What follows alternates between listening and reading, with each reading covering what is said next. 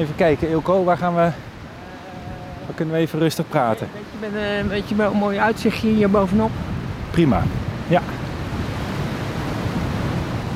Klim het duin op, zonder scherm, want we hebben aflandige wind. Dus eh, dan wordt het eh paraduiken, is toch een andere tak van sport. Met Ilko Holt bij Castricum aan Zee. Dan heel wat kilometers verderop aan een strand bij Utrecht. Ja, het is, het is echt waar, een strand in Utrecht. Bij Leidse Rijn zijn we hier geloof ik hè? Klopt. Menno Verbaas zit naast me. Kom Max, dan lopen we even naar de achterkant van de Beach Club. Hopelijk is daar minder wind. Even kijken. God man, ben nu kapot. Een prachtig mooi uitzicht. Zullen we hier zitten? Ja, helemaal goed.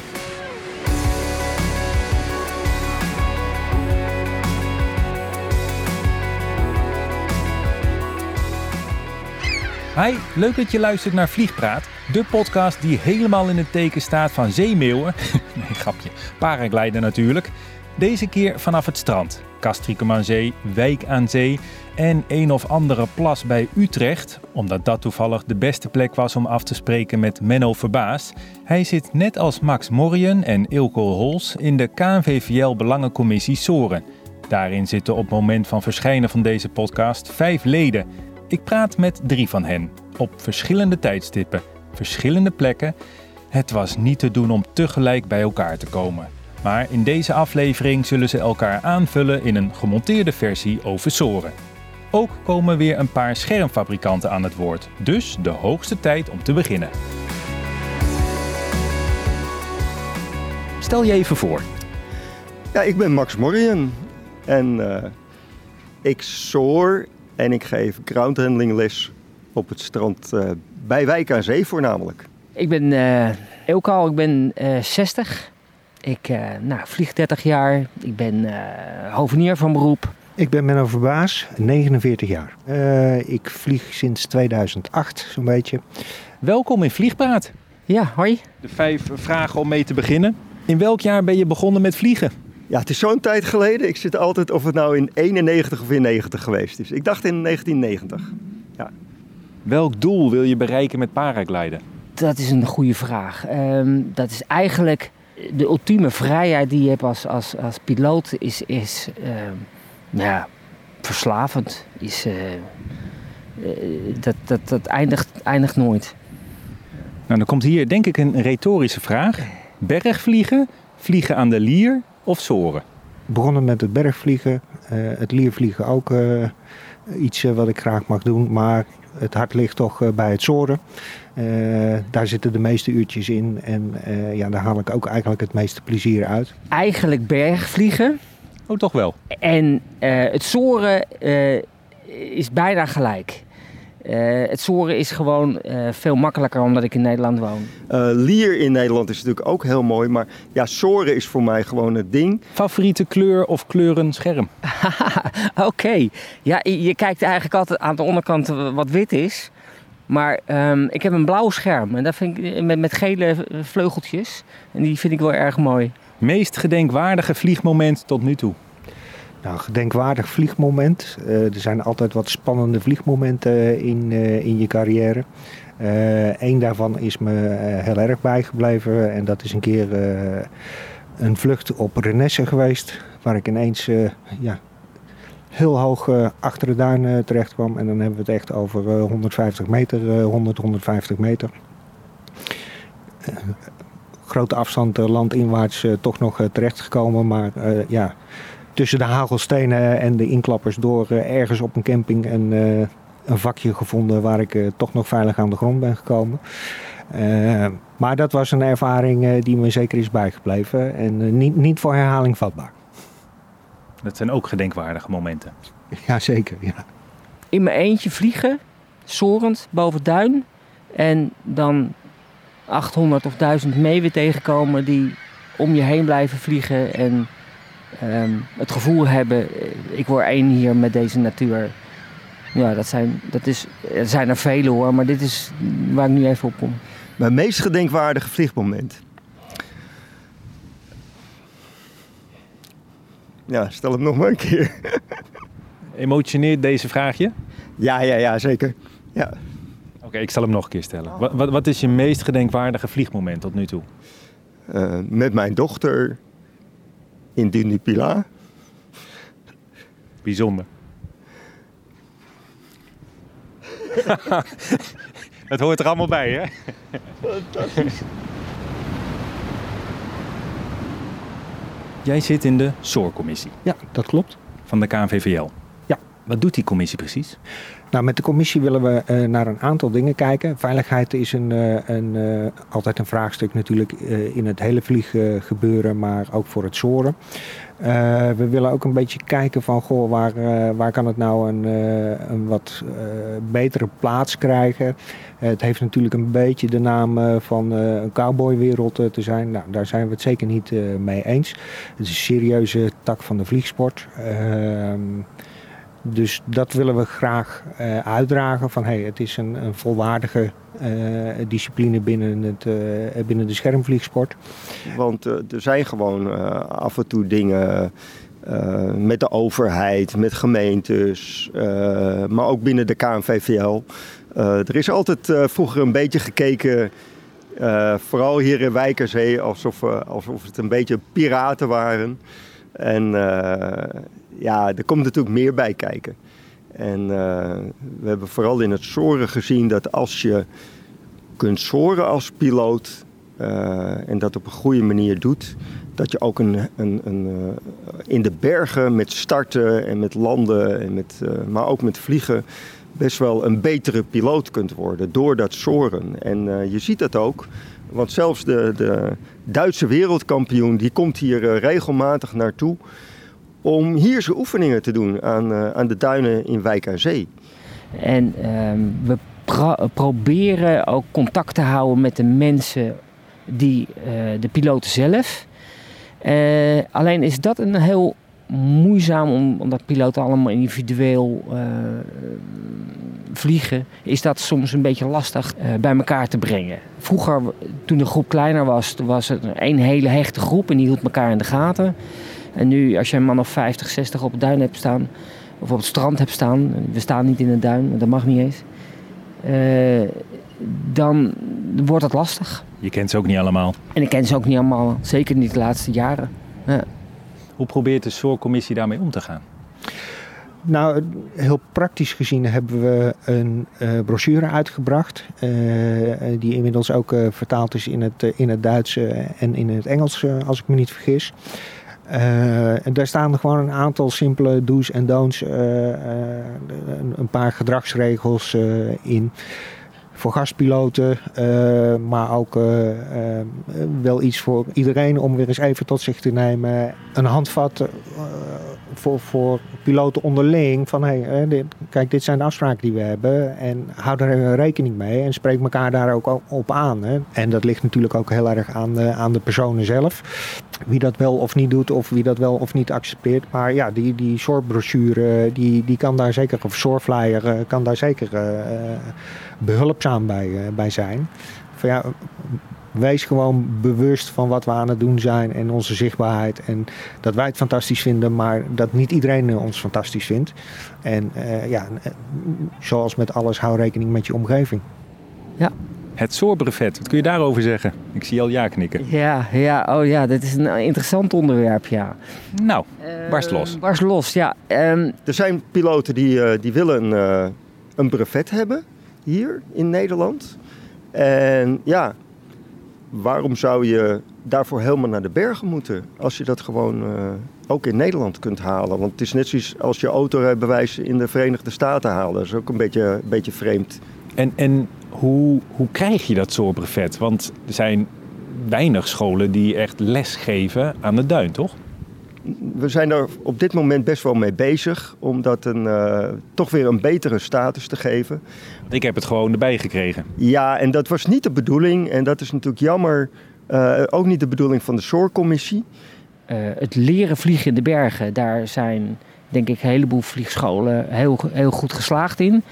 Alleen het leren soren, ja, dat is een, uh, dat is een vak apart. En daar is nog steeds naar mijn mening, geen enkele school toe in staat om daar echt een goede soorles voor op te zetten. Soren, de, dat, het grootste deel wat je doet is eigenlijk ground handling. Is je scherm controleren in.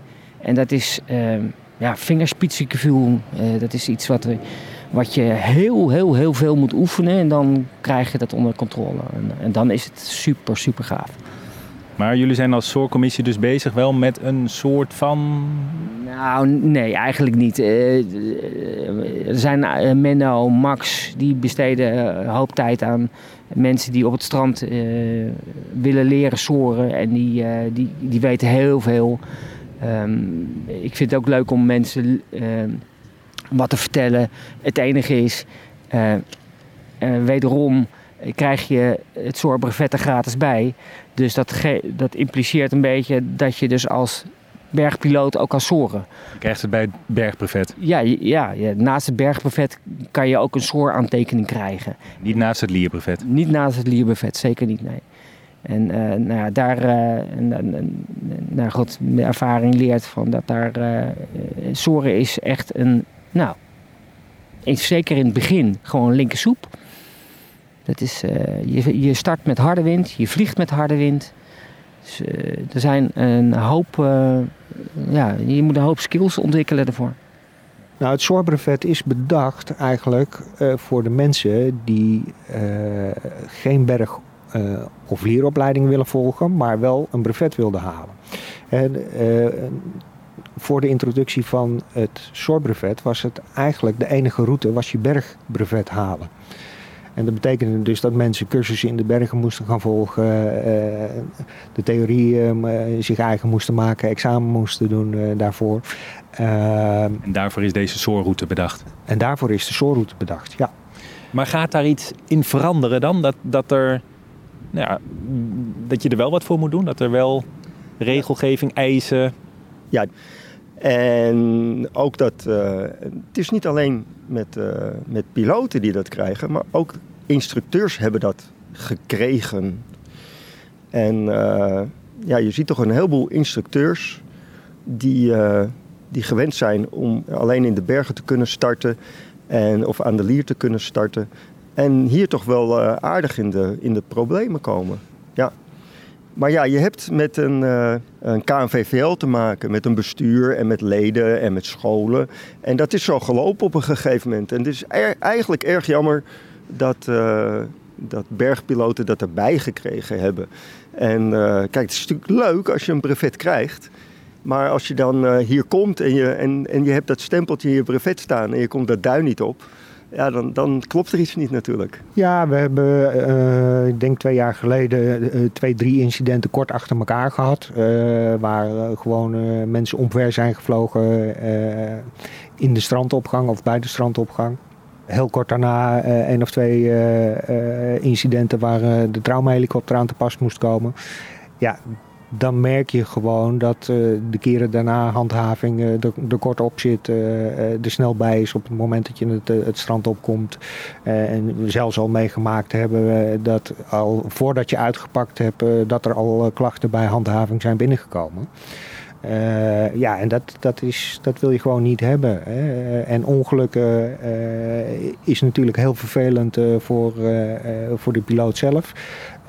Omstanders die betrokken raken bij, bij een ongeval, dat moet je al helemaal niet willen hebben. maar ook voor de beeldvorming in het algemeen en de acceptatie van, van het zoren. Ja, dat, dat, is, dat, dat is iets waar je zuinig op moet zijn. Je moet je heel goed realiseren dat je heel zichtbaar aanwezig bent in een van de, van de zwaarst beschermde natuurgebieden van Nederland. Het duin is een beetje een soort niemandsland.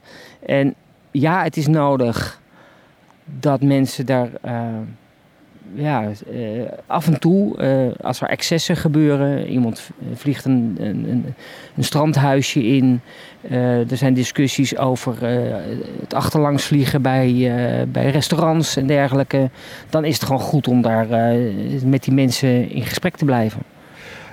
de mensen aanspreken. Hè, ja, je bent er ook niet altijd. Nee, ik ben er niet altijd. Uh, maar dat is ook wel een stukje uh, cultuur creëren met elkaar. Hè. In het Zeeuwse is het uh, niet ongebruikelijk om gewoon eventjes met elkaar te overleggen van joh, doe dit even niet of hou daar eventjes rekening mee. daar wordt ook niemand boos van of zagrijnig van. Dat, ja, dat wordt gewoon aangenomen, overgenomen en dat wordt ook weer overgedragen naar, naar anderen. dat, is, dat is heel normaal en dat gaat in, uh, altijd in, uh, ja, in, in, prettige sferen, zeg maar, uh, wordt gewoon even die, die kennis en wordt gedeeld met elkaar. Van joh, doe dat wel, doe dat niet. en daar is niks mis mee, dat, dat, werkt, dat werkt prima. Ja, en je hebt altijd natuurlijk ja, de, de eenling ertussen die vindt dat dat niet voor hem geldt. Ja, dat, die hou je niet tegen, helaas. Dus je hebt het soren zien veranderen, meer mensen zien gaan soren. Toen was je uh, een van de weinigen en nu? In een weekenddag zijn er nog steeds heel veel mensen. Dan hangen er wel meer dan 50 aan de duin. Maar het is niet, wat ze wel eens zeggen, explosief toegenomen. Net zoals het kitesurfen bijvoorbeeld. Dat is nog steeds niet zo. Dat is gelukkig misschien. Maar relatief misschien wel, toch? Maar relatief natuurlijk. Relatief zijn er sinds 30, uh, eh, ja, 25 jaar geleden, 30 jaar geleden best wel meer mensen natuurlijk bijgekomen. Ja, en logisch, want ja, waarom zou je naar de bergen gaan als je hier in Nederland gewoon uh, vlakbij kunt, uh, kunt vliegen de hele dag? Ik ben eigenlijk begonnen met, met het vliegen in de bergen. Toen zei mijn instructeur van joh, Ehm, als je nou in Nederland bent, ga eens oefenen op het strand of op een, op een weilandje. Koop een oud scherm en ga oefenen. Dat heb ik gedaan. En ja, op een gegeven moment uh, ontdek je ook die duinen. En merk je dat het. Uh, dus eigenlijk na, na drie, vier jaar na het bergvliegen ben ik gelijk gaan soren. Bizar. Want het, dat, gaat, dat is al lang, lang, merk ik dus nu. ik denk dat je heel veel hebt zien veranderen. Enorm, ja. ja het, het, duin zie je veranderen. De, de... Wat? Precies? Nou, het, duin groeit. Het duin groeit aan de voorkant. En met een storm wordt, wordt sommige stukken weggeslagen. Um, de schermen zijn gigantisch veranderd. Dus ja, er is een, er is een hoop, hoop, hoop te zien. De, de, kleine schermen zijn de laatste ja, wat is het, tien jaar bijgekomen. Die zijn ook natuurlijk heel erg leuk om daarmee te vliegen. De acro-schermen om boven de duin vliegen, tandems. Uh, ja, er is zoveel uitdaging. Eigenlijk bijna iedere bergvlieger is inmiddels volgens mij wel zover dat hij zegt van nou dat moet ik toch ook maar eens een keer proberen. Uh, aan de ene kant is dat iets uh, wat je natuurlijk uh, toe moet juichen. En aan de andere kant ja, moet je dan ook wel gaan nadenken van ja, hoe gaan we dat een beetje in, in banen leiden. En dat is natuurlijk ook wel iets waar de zorgcommissie over nadenkt. Van we zien het aantal piloten toenemen. we zien de sport groeien. Hè, het materiaal ontwikkelt zich snel. dat wordt allemaal steeds beter. Je kunt in steeds meer omstandigheden kun je, kun je vliegen. Met kleinere schermen ook. Met kleinere schermen ook, uh, met hogere snelheden. Uh, je krijgt ook situaties waar er met kleine en grote schermen door elkaar wordt uh, gevlogen. dan krijg je hele grote snelheidsverschillen. Nou, dat maakt het ook weer wat, wat complexer, zeker als het heel druk is. Dus ja, dat, dat is, het is heel mooi om de, om de sport te, te zien groeien. Maar ja, je moet ook wel kijken van wat, wat heeft dat verder voor impact. Kan iedere piloot leren soren? Ja, ik had namelijk uh, een maand geleden, denk ik nu, had ik, uh, hadden we Jos. Jos uh, kwam uit Australië. Jos is 92 jaar. Jos vliegt aan de, aan de kliffen in Australië. En is hier twee maanden geweest. En ja, het was voor Jos een beetje lastig om, om hier te starten en het duin op te komen. Maar we hebben Jos van 92 ook hier aan het duin laten soren. Dus ga niet vertellen dat je het niet kan. Want als Jos van 92 het kon, dan uh, ja, fantastisch. En dat is ook een, was ook een fantastische ervaring. Soren betekent uh, ja, echt een dag lekker buiten bezig zijn. Uh, en eigenlijk ja, maximaal kunnen vliegen. want als je ziet hoeveel uren je kunt maken op hele korte afstand van huis. Als je aan de kust woont? Uh, ja, maar relatief gezien. Kijk, we rijden natuurlijk uh, met z'n allen richting, uh, richting de Alpen en, en verder om te kunnen gaan vliegen. We pakken het vliegtuig naar Turkije, Marokko, nou, noem maar op. Ook al woon je op twee uur rijden van het strand dan is het op zich nog niet zo gek hè, dat je zegt van we rijden twee uurtjes, maar we kunnen wel vijf, zes, zes uurtjes maken op een dag. En dan hebben we het ook echt over vijf, zes uur in de lucht als je wil. Uh, soms moet je gewoon vrij proberen te vragen. Of ja, daar ben je al heel erg mee bezig. En dan in de auto ben je al zenuwachtig. En, en nog steeds? nog steeds. Ja, dat, dat is heel vreemd. Na 30 jaar. Um, laatst had ik het er met Max ook over. Die zei ook van. Het is bizar en vreemd dat na 30 jaar vliegen eh, altijd weer anders is. Uh, nooit hetzelfde. De tip voor de luisteraar. De tip voor de luisteraar heb ik uh, van een vriendin van mij. En dat is uh, luister vooral naar jezelf. Ja. En een beetje naar Max. En een, be en een beetje naar Max. Of naar, naar, naar de, de anderen. Naar mijn dochter. Of naar Simon. Of naar Jitte. Of naar andere piloten die hier al, al aardig lang vliegen. Menno, Ilko, ja, ja, ja, ja. Er valt nog veel meer te vertellen over het soren. Bijvoorbeeld over de technieken die je aan het strand kunt gebruiken. Eigenlijk zou moeten beheersen. Dus daar komt Vliegpraat op terug. Maar nu is het tijd voor de rubriek Schermfabrikanten aan het woord. En deze keer hoor je BGD en 777. Hallo, stel je even voor. Hi, my name is Bruce Goldsmith. I'm from BGD, Bruce Goldsmith Design, uh, which is my own brand. And uh, I'm British, but the company is Austrian. Ik begin met twee eenvoudige vragen. Sinds wanneer bestaan jullie? Uh, this year we're in our 10th year, so 10 years uh, of BGD. Before that I was uh, Airwave, and I also worked for Advance, and I also uh, founded Ozone. Paragliding kent inmiddels verschillende disciplines. Wat voor soorten schermen maken jullie? Yeah, we're making mainly paragliders. Uh, we also do quite a lot of paramotor wings as well. So we have uh, big, heavy trike paramotor wings as well as uh, normal solo paramotor wings. And we also do uh, kites as well for snow kiting and uh, also for sea, sea kiting. But it's um, paraglider style inflatable kites rather than uh, leading edge ram leading edge style kites, LEI kites. Oké, okay, dit waren de korte vragen. Laten we beginnen. Welke doelgroep hebben jullie in gedachten? Let's think. I think the thing that um, really sets BGD aside is that we are very, very international. We have uh, people from 20 different countries working for BGD, and uh, our market is really the whole world. So uh, because a lot of brands, especially around the Stubai area, are very German and Alpine orientated, whereas we are very, very uh, international. So we sell as much in South America as Asia, as Eastern Europe, and uh, well, some in Africa, but Africa is not a not a very big market. But we are very, very international. So uh, these are our customers, and uh, so I develop gliders specifically for these international customers rather than pure alpine customers, which is what a lot of brands do. Yeah, I mean, we do gliders from beginner gliders through to intermediate and advanced gliders, and um, which I think every other paraglider brand does as well. And uh, yeah, so what really sets us aside is just this international side of things. For instance, uh, we don't uh, emphasize so much the lightweight gliders because a lot of in a lot of countries uh, around the world, they're not really interested in lightweight gliders. So lightweight gliders for us is, is only around uh, 25% of the, of the market.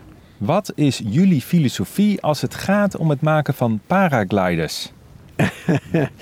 Yeah, perhaps I should think about that a little bit.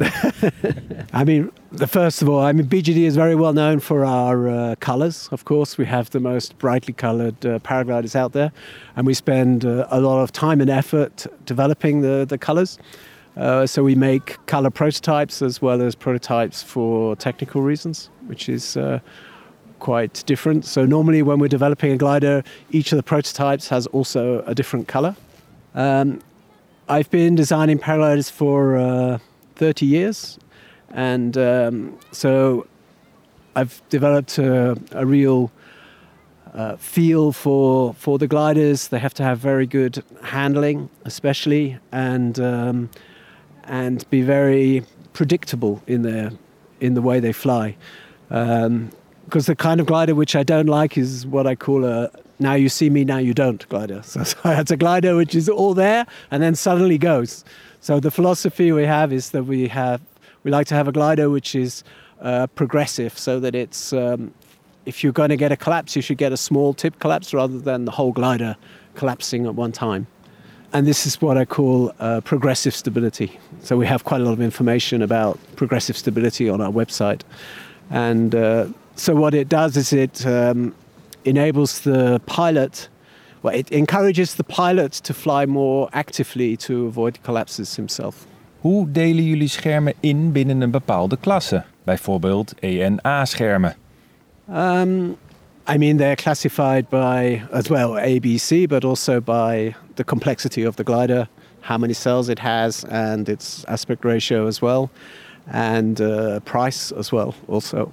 So normally you know, the more simple A gliders are cheaper and more accessible, and as you increase the number of cells and increase the complexity of the gliders, then you uh, also increase the, the price and the, the skill level of the of the gliders as well of the pilots. Yeah. So yeah, we have two gliders inside EMB, but it also follows this. You know, one has more cells than the other, more aspect ratio, and um, the way we design the glider so that uh, the higher B requires more pilot skill, and the lower B is more more simple, more easy, and more straightforward, with more pitch damping as well.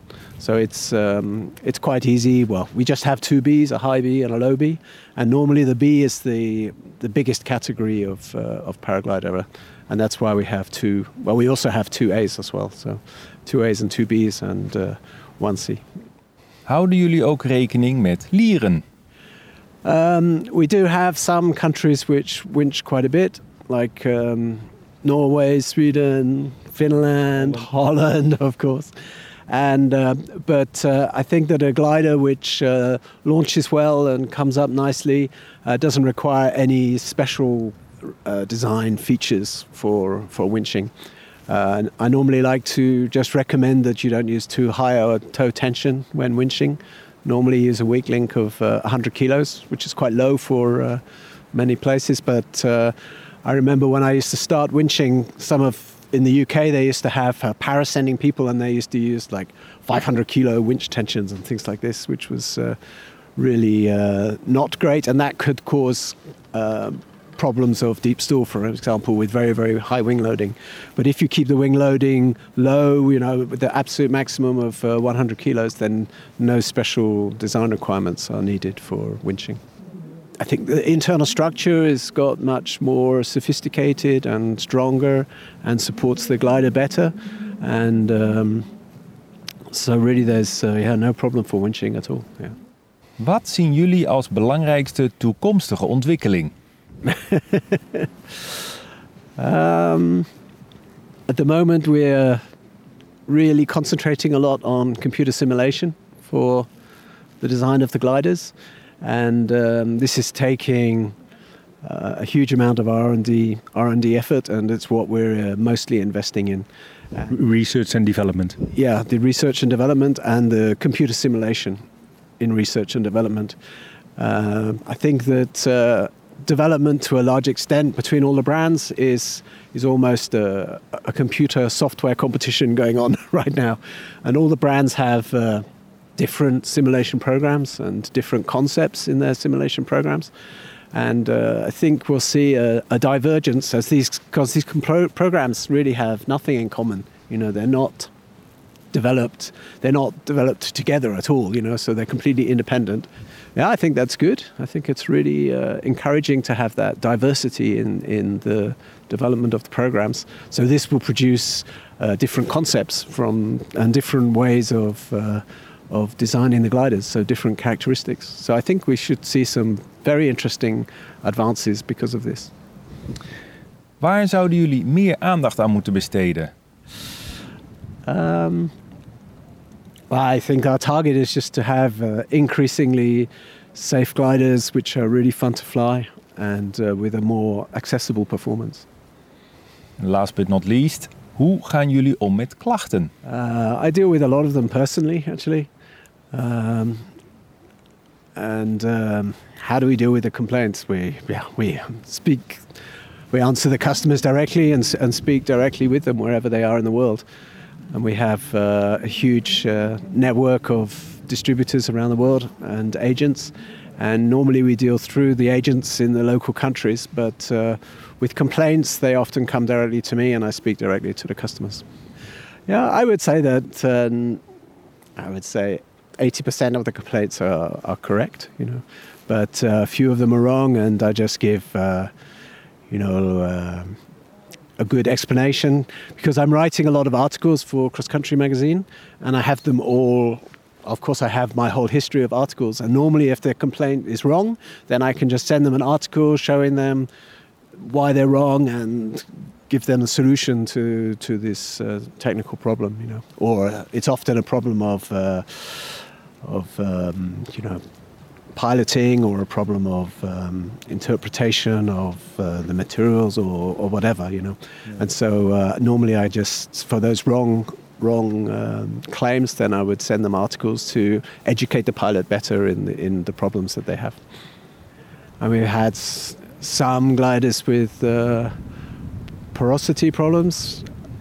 I think that um, one thing that's quite maybe unique to BGD is that we use a, lot of different uh, colors on the gliders. Sometimes we have 10 different colors on, on one glider. And um, if you have so many different colors, then it means that there's lots of different rolls of cloth being used for each glider. And, um, you know, there is certain rolls of cloth that can be not as good as other rolls of cloth. And this is the kind of rolls of cloth which can produce uh, porosity problems over, over time. And we have the advantage that uh, we only have a small, few small patches of any particular cloth. So the whole glider doesn't go porous, we just get a few little patches. So it means that we've never had a glider actually which has actually become dangerous because of low porosity. We only just get so a few bad porosity readings, but the gliders actually still fly safely, which is nice. So that's just one example of some safety issues which exist. Thank you very much. Okay, no problem. Thanks very much. Nice to speak to you. Meteen door naar de volgende fabrikant, 777. Hi, my name is Matjaž and I'm uh, from 777 brand. Uh, we are coming from Slovenia. And my function is uh, marketing in first place, but everything else as well. Sinds wanneer bestaan jullie? Actually, 777 was based in 2011. Uh, it's based on our uh, designers, uh, Valic Brothers, who are well known that they were designers before that already for many years for other brands. But in 2011 they decided to, to build up a brand of their own. Paragliding kent inmiddels verschillende disciplines. Wat voor soorten schermen maken jullie? Yeah, our mm, our company is actually uh, more focused on the cross-country competition wings. We are uh, oriented more in the performance part of the wings. So uh, whoever is seeking, let's say, whoever is flying 777 wing is going to be a pilot who is going to do uh, longer flights. He's going to do cross-country, or maybe he will be competing. He wants to get the best performance glider for competition. Dit was de introductie. Hier komen de vragen. Welke doelgroep hebben jullie in gedachten? Yeah, actually, uh, Brothers, our designers, they are coming from the field of competitions from before, and uh, with uh, their own brand, we had to move also to uh, to other uh, um, categories. So, uh, whenever we are doing a new wing, we are always looking to squeeze as much as possible out of the wing in performance-wise but still, of course, remaining on the on the side of uh, having the wing also being as safe as possible. Because we are coming from the competition world, uh, that's why also our wings reflect that. That uh, when you get the wing, uh, you know that in the in the certain class, this wing is gonna be one of the top, if not the top uh, performant one. Wat is jullie filosofie als het gaat om het maken van paragliders? Oh, philosophy is I'm not the designer, but I can say that I'm spending a lot of time with them. So I can say um, it's always redefining, trying to find something new. So we say triple seven innovative, innovative gliders from uh, Brothers, because uh, we don't want to just follow the trends. We want to do also something new. So this also reflects in our wing wings that you can see that we are trying to push things forward. Uh, let me just say that uh, we were the first uh, company that introduced uh, the shark nose, or we call it back position intake uh, technology, in the B class. This was already in 2011, and also then after that, when everyone said it, the uh, the shark nose is not uncertifiable technology, we certified also the A class as the first company worldwide. Hoe delen jullie verschillende schermen in binnen één klasse, bijvoorbeeld ENA-schermen? Yeah, I think it's very hard to say because it depends on the class that we are talking about. Let's say for the A class we have two wings, which one is really basic, it's deck, um, and the other one is a little bit more uh, developed. I would say this is Spawn uh, Evo at the moment, and uh, the difference between two the two is of course uh, one is uh, uh, less technical to make, easier on the pilot as well. The other one is more technical a little bit a little bit harder maybe on the pilot, but it's uh, bringing also advantage in the performance. Uh, I'm talking this about the A class, but it I think it reflects the same also, let's say in the B class or when we go higher. Yes, uh, when we are talking about the B class, I would like to say that it's, uh, the high B class. It's already a wing that you can, I think, 80% of the pilot can squeeze out of it already enough for their knowledge. So they can do a really long cross country flights with it because at the moment now we have very high performant wing in the B class already, high B. When we talk about the low B, it's a little bit different. I would like to say that with um, it's different uh, from company to company. Uh, some companies they say they just make an A wing which is pushed into the B and they call it the low B. For us, let's say we just uh, released the Knight 2 is the wing that is uh, we won't say that it's a wing we will give it to the student but it's a wing for the student who made the license. He made some hours on the thermic flying and then he can get uh, this uh, low b to mid b wing i would say. And um, this is different philosophy uh, coming to, to this uh, segment of, uh, of the wings in the b class. Houden jullie ook rekening met lieren? Hmm. Not exactly, I wouldn't say, because all of our wings until now they didn't have any speciality for for the winching. So we we make the wing for the pilot who is going to fly with it uh, cross country, and uh, the winching is just a part of it which needs to work anyhow. But uh, all of the wings are uh, they need to go through the load test and shock test and everything so uh, we may say that there are less lines, but those lines are getting better and better. So that's why we are having also less lines. Uh, I mean, we, it's possible to have less lines, but all of the wings they need to go through the structure uh, test and uh, they need to be okay also for winching, of course, all the time. Yeah. Wat zien jullie als belangrijkste toekomstige ontwikkeling? What we can see in the past, now in the last 10 years, of course, there was a lot of a lot done on the um, on the safety which is of course very welcoming for all the pilots. I think the wings now are much much safer than they were, let's say, 15 years ago. What is happening now? We can hear about the two liners coming to the C class. Our uh, position on that is that we will try. Of course, we will also make. We are performance-oriented brand, so we will also try in this category. Of course, we will try and see if it works. Okay, then we'll release it. If it we feel that it doesn't work, of course we won't.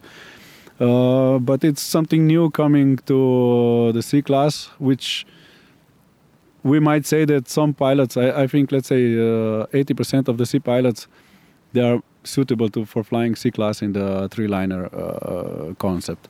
And now with this coming, I'm afraid that some pilots will say, okay, I'm flying the C class, I can fly the two liner in C class as well. I think it's not uh, the case. Uh, people will really need to consider what's their knowledge, and see if they can develop and go into this uh, two-liner area and fly it. Waar zouden jullie meer aandacht aan moeten besteden? I think the improvements are uh, it's, it's an evolution of improvements. All the time we are refining something. Um, in competition world, if we what we see now, it's uh, the the improvements are really small, small, small, small. We are mostly working now on the safety part and on the on the handling part but the performance improvement are not making such a big because it's it's uh, physically looking at the wing. It, there's not a lot more you can do with it, or it's getting too costly that it would survive actually the the the, um, the paragliding market. But of course, uh, never say never because uh, the evolution is bringing new ideas all the time. And also for us, you can see that when we make one wing, even in the big class, let's say, we learn from it, from this profile, we learn something new, and then we implement this on the on the other. Uh, other classes as well and this is this is development that it's happening all the time and uh, we can see through the years that all the time we are gaining something and last but not least, hoe gaan jullie om met klachten? How do we deal with complaints? Uh, in our office, we we really put a lot of focus on that. That we are in contact with the customer. So when we get something, let's say a complaint from someone, we try to act as soon as possible, give the answer as soon as possible, and if necessary, also get the material back and check it and do whatever it takes to get the pilot back in the air as soon as possible on the wing that it's uh, done as it needs to be done. I think it's just a matter of that that uh, the, the company needs to be reactive when it comes to this and uh, check the material because the problem is that uh, the the, the production of the wings these days they are so good and the quality is so high that it, such mistakes happen i don't know it's zero zero zero something percent. But um, mostly, mostly when happens something, you need to get the material, see what happened, and then discuss with the customer what was going on, and especially explain to him if something was happening that he was not aware of that, and he did something. Let's say with the takeoff, you do reserve launch. If you are not careful with the lines, we, we said before the lines are getting fewer but stronger, so you can rip them on the takeoff, and something you don't even notice that and these kind of things are happening all the time but it's important for the brand to communicate them uh, with the customer and in the in the end also solve them with, with him. Oh i think so far the the people turn directly to us. So we were always yeah i mean for us it's not a problem. Uh, we we take this as a part of the job if someone has a good friend uh, who is a dealer as well, he will speak to him first. But otherwise, sometimes they come directly, and we do we do a lot of effort in that way that uh, we communicate that as in the best way possible and as soon as possible, and solving this problem as soon as possible for the customer. Because this is a part of uh, having a pilot who is satisfied with the wing in the air, but he needs to be satisfied also with the customer service, which I think we, we put a lot of effort in. Tot zover deze aflevering van Vliegpraat. Volgende keer komen weer andere schermproducenten aan het woord. Ik hoop dat je met plezier hebt geluisterd. Zo ja, laat het weten. Dat kan door een mooie recensie achter te laten in de app waarmee je naar Vliegpraat luistert. Of anders op sociale media. Je kan me ook mailen harro Je kunt me sponsoren via petjeaf.com slash paraglidingvliegpraat. Of hey, je mag ook alles doen wat jij wilt. Klop zo nu en dan het zand uit je scherm en geniet van je vluchten. Tot de volgende vliegpraat. Hoi!